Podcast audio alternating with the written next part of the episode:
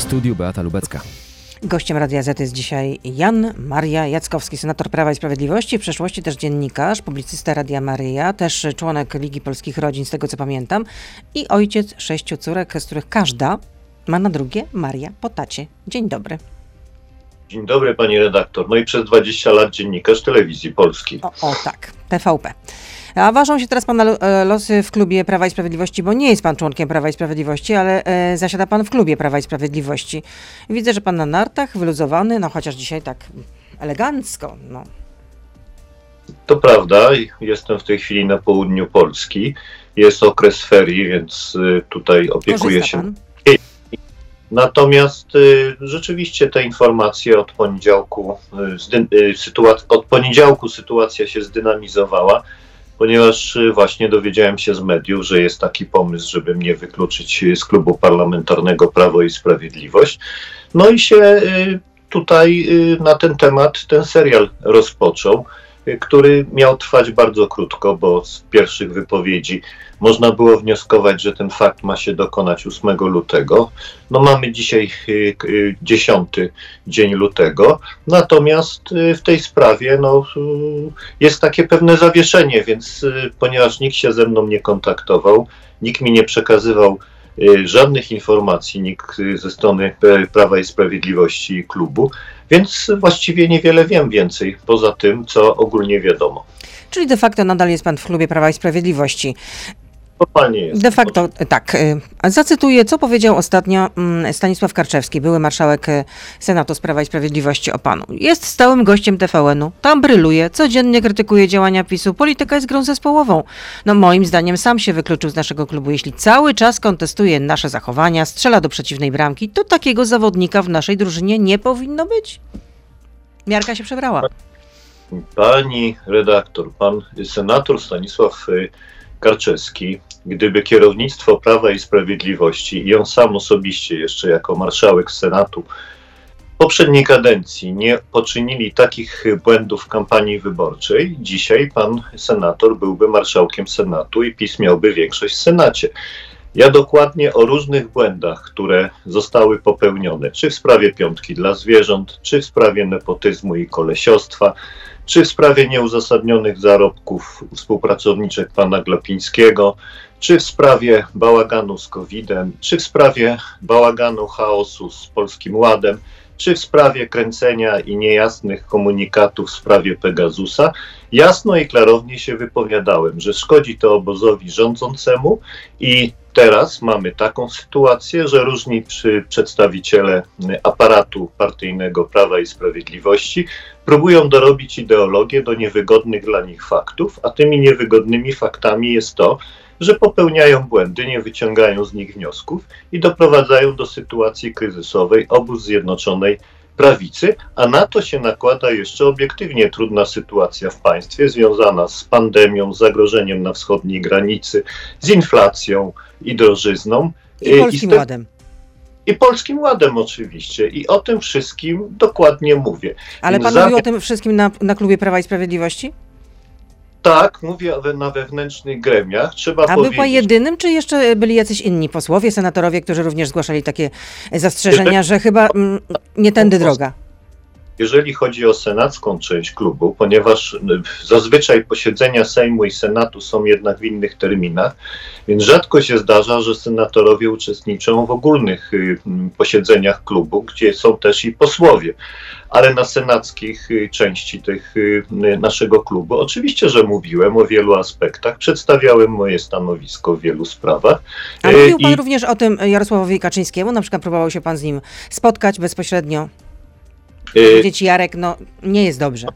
Tobie nie miałem okazji mówić. Y, Od dłuższego czasu nie miałem spotkań y, z panem prezesem, natomiast mówiłem y, y, przedstawicielom kierownictwa klubu parlamentarnego. Czyli komu?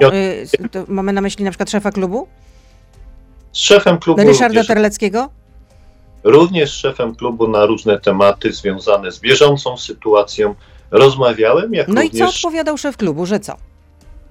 No, były to bardzo takie y, ciekawe rozmowy. No już nie będę zdradzał tutaj y, wszystkich szczegółów. No dobrze, ale roz- czy była dla pana reprymenda taka w cztery oczy na zasadzie, no słuchaj Janek, no nie możesz opowiadać takich rzeczy, przepraszam bardzo, ja wiem, że ci się wiele rzeczy nie podoba, ale to możemy mówić y, między sobą, natomiast no nie możesz wychodzić do mediów i, ciągle być w kontrze. To nie, nie tak to wyglądało, ponieważ ja wyraźnie bardzo mówiłem o moim stanowisku na tych wewnętrznych spotkaniach. Pytany przez dziennikarzy odpowiadałem. Y, Co więcej, prosiłem y, przedstawicieli kierownictwa klubu o uwzględnienie tych uwag i wyciągnięcie z nich wniosków. Natomiast same rozmowy, muszę powiedzieć, przebiegały w bardzo miłej, przyjacielskiej atmosferze. Tak się składa, że pana profesora Ryszarda Terleckiego znam od wielu lat. Jesteśmy historykami obaj, mamy podobne pasje. Y, I także z tego punktu widzenia te rozmowy zazwyczaj były bardzo inspirujące. To nie były jakieś y, rozmowy y, dyscyplinujące, rozmowy polegające na jakichś połajankach. Absolutnie, kulturalnie, spokojnie, przy kawie, żeśmy sobie wymieniali poglądy. No to jeśli panu jest tak źle w Prawie i Sprawiedliwości, jeśli uważa pan, że partia zmierza donikąd, czy też w złym kierunku, może donikąd to za dużo powiedziane, to nie lepiej w takim razie odejść samemu, a nie czekać, aż po prostu pana wyrzucą? No skoro jest wam panu tak źle. Y, Ja nie mówię, że mi jest źle, tylko ja się nie zgadzam z niektórymi kierunkami polityki y, i odejściem od zasad programowych. No przyzna pani redaktor, że skoro doszliśmy do władzy, między innymi mówiąc, że jak PiS będzie rządził, to nie będzie kolesiostwa, nepotyzmu, a później się okazuje, że skala tego zjawiska jest tak ogromna, że niektórzy twierdzą, że nawet jest większa niż w czasach rządów naszych poprzedników z różnych ekip. I dopiero trzeba przyjąć uchwałę na Kongresie Prawa i Sprawiedliwości przeciwko nepotyzmowi. Zresztą dość kuriozalną uchwałę, bo tam było powiedziane, że jeżeli jest to uzasadnione, to nepotyzm może być, a jeżeli jest nieuzasadnione, to nepotyzm. To była uchwała wydmuszka, powiedzmy sobie wprost. Tak jest. Y, No więc przyzna pani, że ja nie bardzo widzę, dlaczego ja mam odchodzić z klubu, gdzie ja przyjąłem za dobrą monetę i deklarację, i program, z którym szedłem do wyborców. Przekonywałem wyborców w moim okręgu do tego programu. Notabene uzyskałem więcej głosów niż y, y, Prawo i Sprawiedliwość na liście poselskiej, czyli No głosowanie wiemy, ma pan tam silną pozycję, no, to Tak. wiemy. Bardzo, nie bardzo widzę taką oto możliwość, że skoro no, występuje z różnych powodów, częściowo obiektywnych, częściowo subiektywnych, a częściowo po prostu braku profesjonalizmu politycznego i moim zdaniem złego zarządzania y, y, y, y, obozem politycznym, y, który obecnie jest u władzy, y, No który to teraz ma pan atakuje Jarosława Kaczyńskiego, bo to on zarządza obo- obozem władzy. Nie, nie, nie, ja nie atakuję nikogo w tej chwili personalnie. Ale powiedział tylko- pan o złym zarządzaniu, no to kto w takim razie źle zarządza tym obozem? Pani redaktor, no nie wiem, to jest suma różnych zdarzeń. Przecież pan prezes nie o wszystkim decyduje, ma swoje otoczenie, które podejmuje wiele kluczowych decyzji, które ma wpływ na pana prezesa. W związku z tym ja tutaj nie czuję się y, biegły, żeby dokonać y, oceny, kto w jakim stopniu za co odpowiada. No generalnie jest to kierownictwo naszego obozu, tak? Bo przyzna pani, że od wyborów w roku 2019 sformułowałem taką tezę y, w dniu wyborów, była cytowana w mediach, że komfort rządzenia się skończył. Trzeba było zmienić sposób zarządzania y, ob- obozem politycznym, ponieważ przyzwyczajono się do pewnego komfortu, który był w kadencji 2015-2019, gdzie była bezpieczna większość w No Sejmie. i teraz ta większość jest mocno chypotliwa, chociaż akurat głosowanie w sprawie Lex Czarnek pokazało, że jednak Prawo i Sprawiedliwości udaje się taką e, większość zmontować. To jeszcze zapytam na koniec części radiowej, a jeśli pana wyrzucą, to dokąd pan pójdzie? Czy będzie pan senatorem niezależnym, czy jednak, nie wiem, przyłączy się pan do jakiegoś ugrupowania?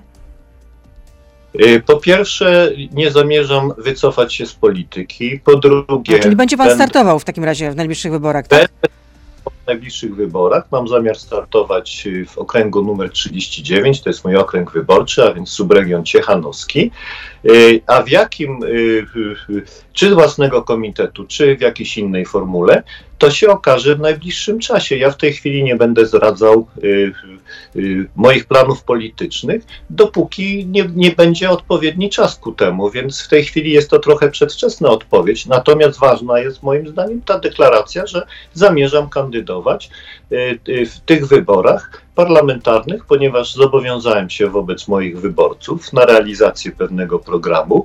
Pracuję w moim okręgu wyborczym. Jestem senatorem z Ciechanowa. I nie rezygnuje pan, nie składa pan broni. Rozumiem. To teraz już muszę skończyć niestety część radiowa, ale oczywiście pan senator Jan Maria Jackowski z nami zostaje. Jesteśmy na Facebooku, na Radiu ZPL, na YouTube, więc proszę zostać z nami. Beata Lubecka, zapraszam. Wracając do naszej rozmowy, a proszę mi powiedzieć, y, jakie relacje panują w klubie? Tam nie, jest jakiś zamordyzm? Nie można mieć swojego zdania, czy można?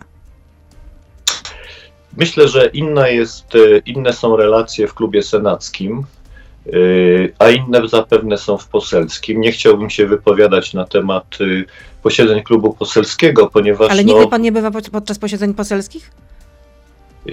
rzadko się zdarza, żeby było wspólne posiedzenie całego klubu. E, A zwłaszcza jeszcze pamiętajmy, że był okres pandemii. Jeżeli mieliśmy wyjazdowe posiedzenia, no to była, już nie pamiętam, parę miesięcy temu, to po raz pierwszy niektórych wi- wi- widzieliśmy się po prawie półtora roku. No dobrze, ale Osobiście. możecie do siebie dzwonić, rozmawiać, no to nie dyskutujecie między A, sobą? Bo pani mnie pyta, czy, czy jak to się odbywa, jeżeli chodzi o takie fizyczne posiedzenia klubu. Natomiast oczywiście kontakty mam, rozmowy mam z bardzo różnymi y, posłami i senatorami. No to jaka, jakie nastroje panują teraz w takim razie w klubie Prawa i Sprawiedliwości? Pani redaktor, no co, nie, byłbym stanął w nieprawdzie, gdybym powiedział, że y, jest powszechny entuzjazm i, i optymizm. Przede wszystkim to, na co się ża- żalą koledzy, zresztą ja to też tego doświadczam, to są obywatele, którzy przychodzą w związku z Polskim Ładem, tak? Y, Przedsiębiorcy, zwłaszcza mali, średni, którzy czują się bardzo zagrożeni w możliwości prowadzenia swoich, y, y, swoich przedsiębiorstw. Co więcej, oni zatrudniają również ludzi, oni się zastanawiają, co dalej robić, bo tu się dwa czynniki nałożyły. Po pierwsze, wysokie ceny energii, gazu, a więc na przykład piekarnie, to, y, czy takie produkcje, które używają y, energii, są w tej chwili, a kupują ją na warunkach rynkowych, a nie preferencyjnych, jak odbiorców indywidualnych, są w tragicznej sytuacji, a ponadto bałagan podatkowy, który jest w tej chwili, sposób naliczania składki zdrowotnej i inne parametry podatkowe, które są w Polskim Ładzie, no powodują, że czują się naprawdę śmiertelnie zagrożeni w możliwości prowadzenia swojego biznesu. A Ale od prominentów, przepraszam, że wejdę panu w słowo, od prominentów Prawa i Sprawiedliwości słyszę, że to wszystko się ułoży. Spokojnie, spokojnie, oczywiście wiadomo, to jest skomplikowane, ale generalnie wiadomo, że to po prostu trzeba to wdrożyć i że to wszystko się ułoży. Takie słyszę zapewnienia. Tak. Tak, no proszę zauważyć, że pan premier Mateusz Morawiecki na początku mówił, a to są takie drobne, to my tutaj to wyrównamy. Później niektórzy przedstawiciele rządu mówili, a to będzie wyrównanie dla tych grup, które poczuły się, y, że, że straciły. Później pan premier Morawiecki powiedział, że będzie możliwość wyboru, będzie ustawa specjalna, że podatnik będzie mógł zdecydować, czy jest na rozliczeniu na zasadach z 2021 roku, czy z 2022 roku. Y, Teraz już o tym nie słyszymy.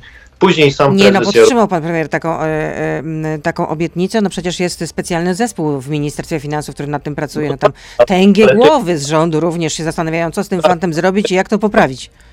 Tej ustawy nie ma, natomiast z nieoficjalnych wersji wynika, że jest to chyba niemożliwe do zrobienia, bo y, tu tak wiele by było komplikacji z tego wynikających, no przede wszystkim niekonstytucyjność takich rozwiązań. Dlaczego jedna grupa mogłaby na przykład korzystać z takich rozwiązań, inna by nie mogła, więc y, tutaj No tak, mielibyśmy wtedy byłyby dwa systemy podatkowe. No, no rzeczywiście jakieś kuriozum. równolegle w jednym czasie, no w jednym państwie, no to to by było po prostu pewnego rodzaju, no bardzo, bardzo du- byłby to bardzo duży eksperyment. E, A więc mówił o tym premier, a w końcu pre- prezes Jarosław Kaczyński przyznał, prawda, że jednak poważne były błędy, nie takie tam kosmetyczne. No I ten tak, no, dowodem również na to jest, że e, minister finansów musiał pożegnać się ze swoją posadą. I jeszcze na, na, na odchodne dostanie 53 tysiące odprawy, jak piszą media. Tak, ale, 53 ale, tysiące odprawy. No, ale pan, zgodnie z prawem się należy. Tak jest, ale pan minister Kościński, y, moim zdaniem, jest w tym wypadku pewnego rodzaju ofiarą zastępczą tego. No co, takim y, figurantem, tak? Znaczy, ofiarą zastępczą w tym sensie, że to przecież y, nie on był twarzą y, Tylko premier. polskiego. Tylko premier. Czyli de facto premier powinien ponieść tak. odpowiedzialność, ale to nie nastąpi, jak pan wie. No, nie nastąpi. No więc dlatego mówię, że jest to ofiarą zastępczą, tak? czy tak zwanym kozłem ofiarnym. Także no, tutaj sytuacja z Polskim Ładem, ona się y, zapewne ułoży, jeżeli chodzi o podatników, którzy mają jedno źródło y, utrzymania, jedne dochody, y, są na stosunkowo, są to niskie dochody. Niewątpliwie ta grupa może skorzystać, czy skorzysta. Natomiast ta grupa również najbardziej będzie dotknięta inflacją, ponieważ siłą rzeczy koszty utrzymania mieszkania, nieruchomości, tak zwanego komornego, ceny energii, gazu, wody, y, ścieków, śmieci, to wszystko lawinowo będzie rosło, a to są Plus stałe jeszcze, jeśli ktoś ma kredyt, to również płaci wyższą za, e, e, ratę za kredyt. No właśnie, a jeżeli ma jeszcze kredyt, to wyższą ratę za kredyt, a plus to jest jeszcze oczywiście ogólna inflacja, ogólne koszty życia, tak? Usługa hydraulika kosztowała X, teraz jest półtora X, tak? I tak, i tak z każdym, y, z każdym obszarem, którym, y, którego korzysta y, obywatel. Więc tutaj jakby osobiste doświadczenie tej inflacji, no mówiąc obrazowo, no dzisiaj ostatnie dane mówią 8-6%. No to jest tak jakby jedna pensja w, misio- w roku y, po prostu Zniknęła. Zniknęła z portfela albo z konta. Nie ma jej po prostu. osób, którzy żyją, żyją od pierwszego do pierwszego i mają bardzo wyliczone środki i bardzo się już i tak ograniczają. I tak już się bardzo ograniczają. No tak, to, y, to wszyscy doświad- tego y, doświadcza bardzo wiele osób i mamy tego doskonałą świadomość. Pan mówił, że relacje w klubie nie są najlepsze. To co, spodziewa się pan, że będą jakieś odejścia? Bo mnie się wydaje to nieprawdopodobne.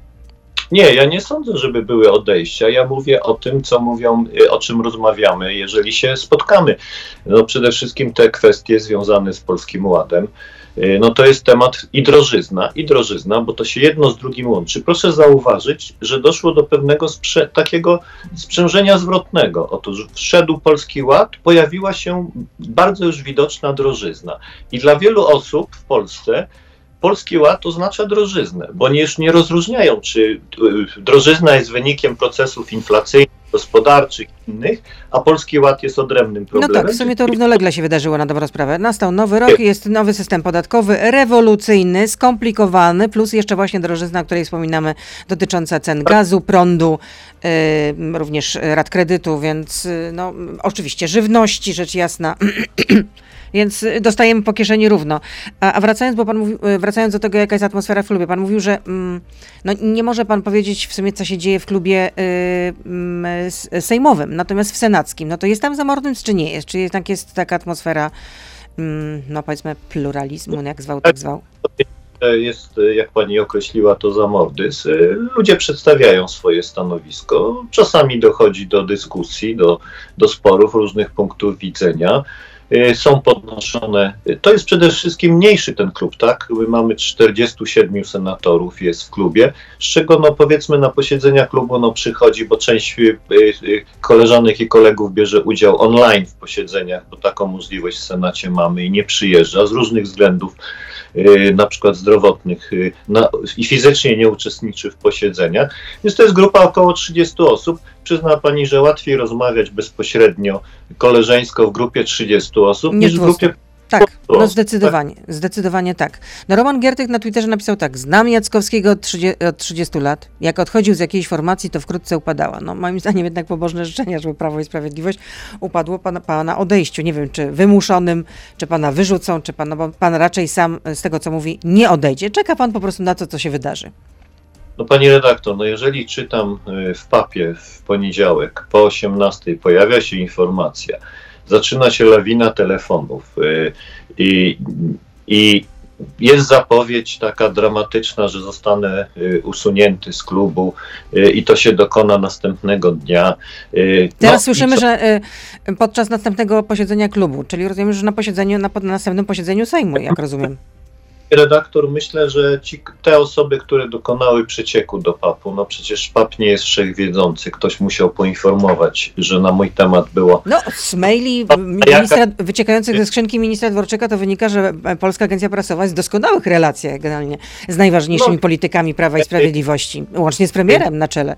Ano taką informację, natomiast ci, którzy ją podali, ci, ci, którzy y, dyskutowali na ten temat, nie mówię, że wszyscy, ale zapewne część, chyba nie zna regulaminu naszego klubu parlamentarnego, bo jeżeli chodzi o członka partii, to można go jednoosobowo zawiesić. Ja nie jestem w żadnej partii, ani w PiS, ani w żadnej tworzącej obóz Zjednoczonej Prawicy. Jestem członkiem klubu, ale żeby wy, i dobrowolno i żeby wykluczyć członka klubu, to trzeba tak, złożyć wniosek przez przewodniczącego klubu, regulaminowo mówię w tej chwili. Ten wniosek musi być poddany pod głosowanie w obecności fizycznej na posiedzeniu, co najmniej, żeby było kworum połowy członków klubu, a więc wszystkich posłów, senatorów, eurodeputowanych i musi uzyskać bezwzględną większość głosów. Więc jest pewna procedura. Ja nie mówię, że ona jest nie do wykonania, jest bardzo łatwo, można ją wykonać dwie minuty, tak, zwołać klub i y, taki wniosek przegłosować. No tym mniej, mniej nie jest to decyzja jakaś taka powiedziałbym. Jednoosobowa. No nie podejmuje jej Ryszard y, Terlecki.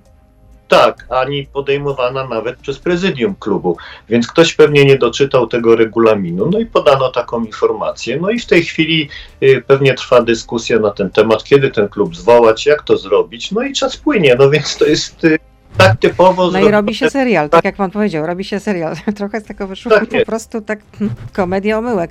Y, W sumie suma, suma summarum może się okazać, że pana nie wyrzucą jednak z tego klubu. Chociaż, no, sądząc po wypowiedzi Tak. chociażby Stanisława Karczewskiego w, dla portalu w polityce.pl, no to, którą cytowałam wcześniej, to chyba nie ma pan zbyt wielu zwolenników.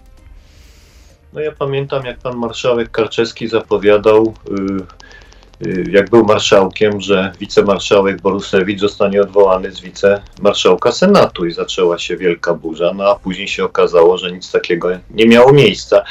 Więc trzeba ze spokojem podchodzić do różnych sensacji medialnych i y, takiego chęci komentowania y, zachowań kolegów, którzy niekt- którą niektórzy politycy mają. A pana zdaniem Prawo i Sprawiedliwość jest w stanie wygrać najbliższe wybory? Był ostatnio sondaż, z którego wynikało, że tak, e, ale e, no, jeśli chodzi o rozdział mandatów, to Prawo i Sprawiedliwość nie miałoby większości. Co więcej, nie miałoby większości, nawet gdyby chciało współrządzić z Konfederacją. Myślę, że wybory wygrać jest w stanie. Gdyby wybory były w najbliższym czasie, to znaczy w takiej perspektywie trzech y, miesięcy, to zapewne mogłoby Prawo i Sprawiedliwość wygrać, bo by miało największy klub. Natomiast jest pytanie, i sedno jest w tym, co pani mówi, czy byłoby w stanie współrządzić, no bo już nie samodzielnie rządzić, tylko współrządzić. A jeżeli tak, to z kim? No bo pojawiały się też sondaże, że potrzebne do tego by był, potrzebna by była do tego nie tylko Konfederacja, ale również Polskie Stronnictwo Ludowe, żeby zebrać te 231 gło- głosów. Natomiast z drugiej strony opo- opozycja też nie jest w różowej sytuacji, proszę zauważyć Nie jest. bo, bo gdyby połączyć wyniki y, opozycji i tej, która jest w stanie się porozumieć, to byłoby i tak skomplikowanym wieloczłonowym, wielosegmentowym rządem, y, no to też ledwie, ledwie ma 231 przekracza głosów, plus y, no ma prezydenta, który może bardzo łatwo skorzystać z prawa weta w takiej sytuacji, ponieważ No, ta- ostatnio skorzystał przy okazji Lex TVN. No, na, przy- na przykład, ale to może też działać w drugą stronę, to znaczy może te, opozycja rządziła, Chociaż prezydent- ostatnio prezydent wykazuje takie, mm, można powiedzieć, no wysyła takie gołąbki pokoju na dobrą sprawę. No, tak można powiedzieć, skoro była Rada Bezpieczeństwa Narodowego, pan prezydent jakoś specjalnie nie nadużywa akurat tej formy spotkań, e, w których uczestniczy również opozycja. To prawda, natomiast pan prezydent y, zdaje sobie doskonale sprawę, że jego kadencja trwa do początku sierpnia 2025 roku i bez względu na to, czy wybory będą w konstytucyjnym terminie, a więc w październiku 2023 roku, czy wcześniej, bo tego też ostatecznie nie można wykluczyć, y, to będzie, przyjdzie mu rządzić też pod, y, w sytuacji, gdzie będzie inny parlament i być może inny rząd. I wyciąga polityczne i sądzę, że to ma wpływ, a to coraz bliżej jesteśmy tego momentu i sądzę, że to ma wpływ również na decyzję pana prezydenta.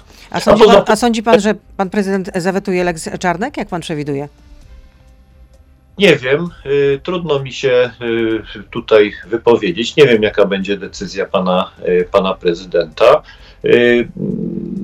Raczej bym się skłaniał, że chyba jednak nie zawetuje, ale to jest moja prywatna opinia. To, to jest tylko opinia. Jaka będzie decyzja? Oczywiście to jest suwerenna decyzja pana prezydenta.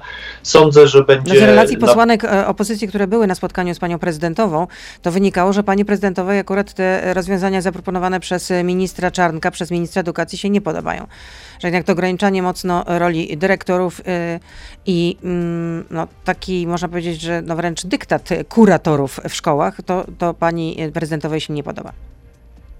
to, to, że się pani prezydentowej nie podoba, to jest to bardzo wiarygodna informacja. No ale może wpłynie na męża. Ale, no, ale decyzję podejmuje jej małżonek. Tak, tak, prezydent RP, zdecydowanie. Bo to już absolutnie nie, nie, moja, nie moja kompetencja, żeby się na ten temat wypowiadać. A wracając właśnie do, y, do, y, do wyborów, gdyby miał pan teraz na ten moment obstawiać i zakładając, że wybory odbędą się w, te, w terminie y, konstytucyjnym, czyli jesienią 2023, to co? Prawo i Sprawiedliwość wygrywa? Pani redaktor, y, Prawo i Sprawiedliwość ma jeden bardzo ważny argument dla części elektoratu centrowego i konserwatywnego, który może być niezadowolony y, ze sposobu rządzenia, z tej byle jakości, z chaosu, z tego bałaganu, no, z tych niedoróbek, z tego, o czym mówiliśmy już dość obszernie podczas naszej rozmowy. Ale obawia się jednego, że gdy do rządów dojdzie lewica czy centrolewicowa koalicja, czy liberalno-lewicowa, nieważne jak będziemy ją określać, ale nie, nie, nie, nie z udziałem PiSu, no to Polska będzie poddana różnego rodzaju eksperymentom ideologicznym, lewicowym, y, y, kulturowym, dla których, y, a dla tych wyborców to są wartości bardzo ważne. I tu jest błąd, moim zdaniem, opozycji, przynajmniej części opozycji, która mogłaby się zwrócić do tej części elektoratu, gdyby myślała racjonalnie i politycznie i uspokoiła w tym zakresie. Bo tak ludzie myślą sobie tak, no ten PiS może i rządzi beznadziejnie. Ja mówię tak kolokwialnie w tym, w tym momencie. No ale przynajmniej mamy gwarancję, że nasza tradycja, nasza historia, nasza tożsamość jest uszanowana. Natomiast jak przyjdą jakieś inne ugrupowania do władzy, to tutaj będzie rewolucja kulturowa w Polsce się po No prostu ale z drugiej strony elektorat żeński może jednak e, zagłosować na, na te formacje, dlatego że e, ustawa e, antyaborcyjna została mocno okrojona, mocno okrojona tym wyrokiem Trybunału Konstytucyjnego. Ale to nie chodzi, to nie chodzi tylko o kwestię zakresu ochrony życia. Tu chodzi też No, o, o ale myślę, że akurat po ostatnich jeszcze doniesieniach, że y, y, zmarły y, dwie kobiety, a nie wiadomo, y, czy y, takich przypadków nie będzie więcej, no to nie wiem. To myślę, że akurat jest ważna, ważna sprawa. Ja mówię, panie redaktor, o generalnym mechanizmie. Ja już teraz nie wchodzę w sz- szczegóły dotyczące poszczególnych obszarów, co to, y, co to oznacza. Natomiast mówię, że tutaj y, z jednej strony krytyka wszystkiego, co zrobiło Prawo i Sprawiedliwość, moim zdaniem absolutnie nieuzasadniona, bo jednak były pewne elementy, te programy społeczne, czy niektóre rozwiązania były y, pozytywne i tutaj opozycja powinna to moim zdaniem y, y, wycieniować ten komunikat, a nie wszystko negować, co było za czasów rządów Prawa i Sprawiedliwości, bo poniekąd w ten sposób trochę obraża się zwolenników Prawa i Sprawiedliwości, no i trudno ich, że tak powiem, pozyskać dla, dla siebie. A poza tym przedstawienie jakiegoś takiego programu, który byłby akceptowany i który uzyskałby jakąś taką formę poparcia społecznego. To nie jest łatwe, ale to bez tego, moim zdaniem, trudno będzie opozycji jednoznacznie wygrać te wybory. Chyba, że opozycja liczy na to, że w Polsce sytuacja będzie się tak rozwijać, będą takie trudności gospodarcze, no wynikające właśnie z pandemii, z drożyzny, inflacji, bałaganu z Polskim Ładem, pro, problemów z tymi środkami unijnymi, y, napięcia na wschodniej granicy i, i, i, i- tego, i tego po prostu wszystkiego, co obecnie mamy. I w związku z powyższym, no mówiąc językiem kolokwialnym, PiS się wykrwawi, no i wtedy my przyjdziemy na gotowe i powiemy, no tak, no y, teraz to my nareszcie wyprowadzimy Polskę z tego zakrętu, tak?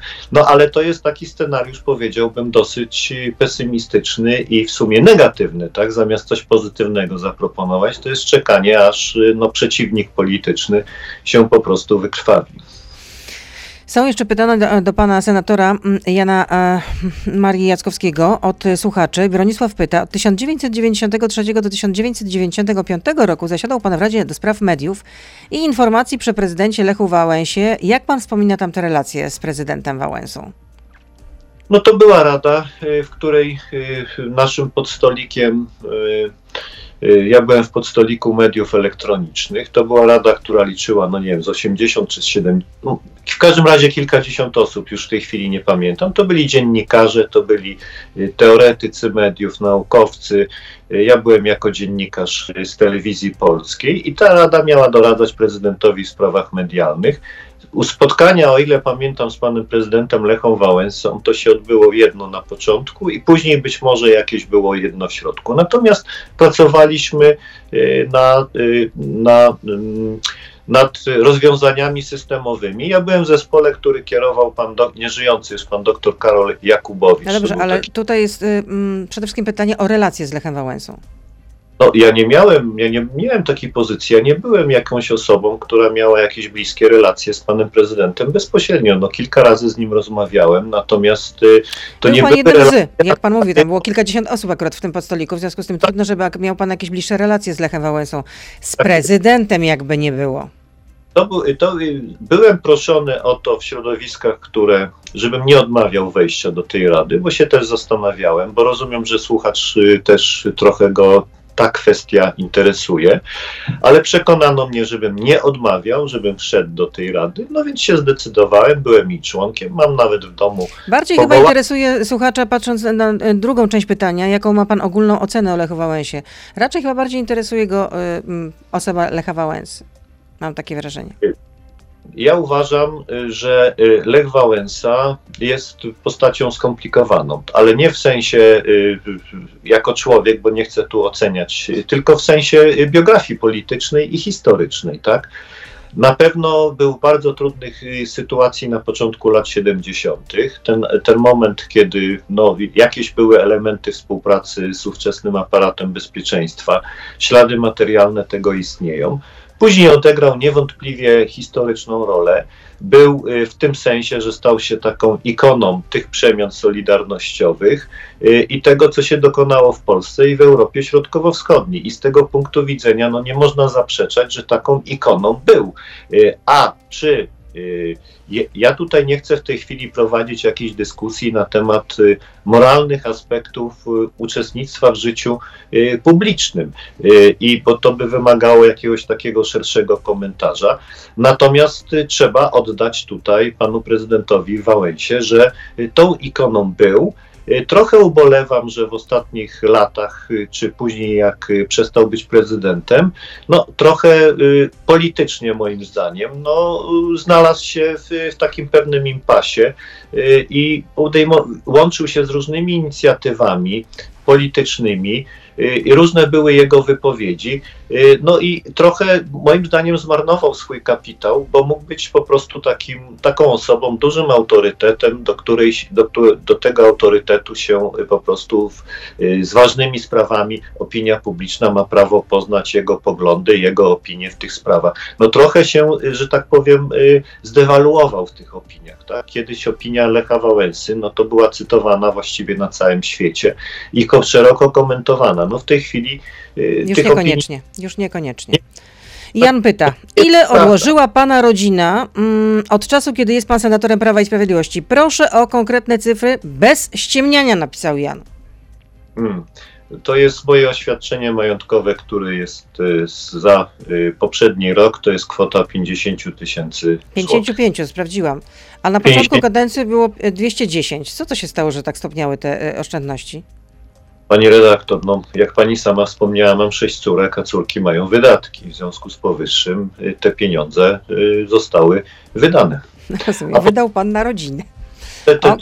5 okej. tysięcy, jeszcze pani powiem, y, żeby ktoś nie myślał, skąd jest te 210 tysięcy, ale to też pisałem w moich oświadczeniach majątkowych. Uzyskałem. to Zasądzone w postępowaniu cywilnym przed Sądem Okręgowym w Warszawie w 2019 roku na początku. I dostałem. A z kim się pan dostałem- sądził? Y, no sądziłem się, y, był spór dotyczący, y, to była sprawa cywilna i uzyskałem te środki, już nie będę wchodził w szczegóły. 157 tysięcy. Tak jest i, to, i stąd się wzięła ta kwota, także tutaj to moje finanse są bardzo transparentne. Ale Y, rozumiem, że bardziej pan wydaje pieniądze niż oszczędza. A generalnie zresztą jest na kogo wydawać. Jak sam pan zauważył, sześć córek to jest na kogo wydawać. Marek pyta, czy panu senatorowi bliżej do y, Michała Kołodziejczaka, lidera y, Agrounii, czy może do innych liderów opozycji? Y, Obserwuję pana Michała Kołodziejczaka, natomiast y, nie jest to polityk, z którym chciałbym współpracować w sensie organizacyjnym w jednej organizacji. Dlaczego? Więc absolutnie. Y, Nie, ponieważ y, dla mnie y, ja jestem politykiem o jasnej orientacji ideowej i, i politycznej i realizuje się w polityce parlamentarnej, bardziej z pozycji może mm, eksperta. Nie widzi się pan, nie widzi się pan po prostu Ja- na manifestacji, na drodze, na blokadzie. Chociaż lubię się spotykać, mam wyborców, przecież ja mam okręg rolniczy, spotykam się z rolnikami, bardzo sobie cenię te kontakty. To są twarde, męskie, chociaż kobiety też oczywiście na nich bywają, są nieraz twardsze od mężczyzn, to od razu też powiem, rolniczki z północnego Mazowsza, bardzo charakterne kobiety y, i twarde. Y, I te rozmowy są y, nieraz ma- dramatyczne i, i nawet mogę pani powiedzieć, że patrzę nieraz na polityków, którzy są przyzwyczajeni do elektoratu miejskiego czy wielkomiejskiego, jak przyjeżdżają, bo kandydują z, do, do Sejmu, y, przyjeżdżają na wiejskie zebranie, to są w szoku, tak? Bo, bo, nie, bo nie, nie, nie są w stanie znaleźć na początku wspólnego języka z salą. Sala jak krytykuje czy atakuje, to nie znaczy, że kogoś y, y, chce zaatakować czy zdeprecjonować, tylko to jest taki styl pewien rozmowy. To trzeba po prostu zrozumieć i umieć rozmawiać. Y, Tam i- jest po prostu kała na ławę. No nie ma ściemniania i generalnie nie ma po prostu bułka Tak, przez bibułkę. A co wy tam robicie w na górze? A dlaczego tak jest? A dlaczego ceny nawozów są takie? Trzeba umieć Konkrety, szybko konkrety. e, odpowiedzieć, a nie mówić, Nie ma wodolejstwa. Nie ma wodolejstwa jak w programach, że można mówić, mówić, mówić. Już naprawdę słuchacz się wyłącza, redaktor się wyłącza. Jeszcze jedno pytanie od Tatiany. Urodził się pan w Olsztynie. Co mogą zrobić mieszkańcy Warmii, kiedy e, organy administracji państwowe, media informują, że fabryka miejscowa emituje tylko parę wodną, a jest to niezgodne z faktami i wydanymi decyzja- decyzjami? No przede wszystkim nie znam szczegółowo jaka fabryka, w jakim w profilu produkcji, ale tutaj zachęcałbym do y, odpowiedniej inspekcji zwrócenia się o to z wnioskiem czy z y, żądaniem przeprowadzenia badań, ponieważ podstawą do wszelkich działań administracyjnych y, czy prawnych to jest y, wynik y, badań, które by po prostu wskazywały i potwierdzały tę tezę, która była wygłoszona w tym, y, znaczy zgłoszona przez y, słuchaczkę. Także, także no tutaj tyle mogę powiedzieć. I takie badania można przeprowadzić. Y, Są laboratoria, które to robią, jest inspekcja y, środowiskowa, która się tymi sprawami zajmuje i, i wtedy mając czarno na białym takie wyniki, no to można y, podejmować dalsze kroki.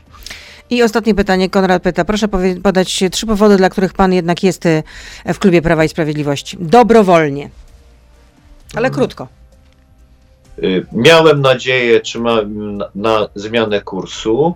Po drugie, jeżeli chodzi o sam program wyborczy, to ten program powstał na podstawie między innymi moich książek, y, y, o których y, kilka, jestem autorem kilkunastu książek, więc ideowo do tego, do programu mówię, nie do praktyki rządzenia, bo o tym żeśmy mówili właściwie cały, całą naszą rozmowę. Jest mi bardzo blisko.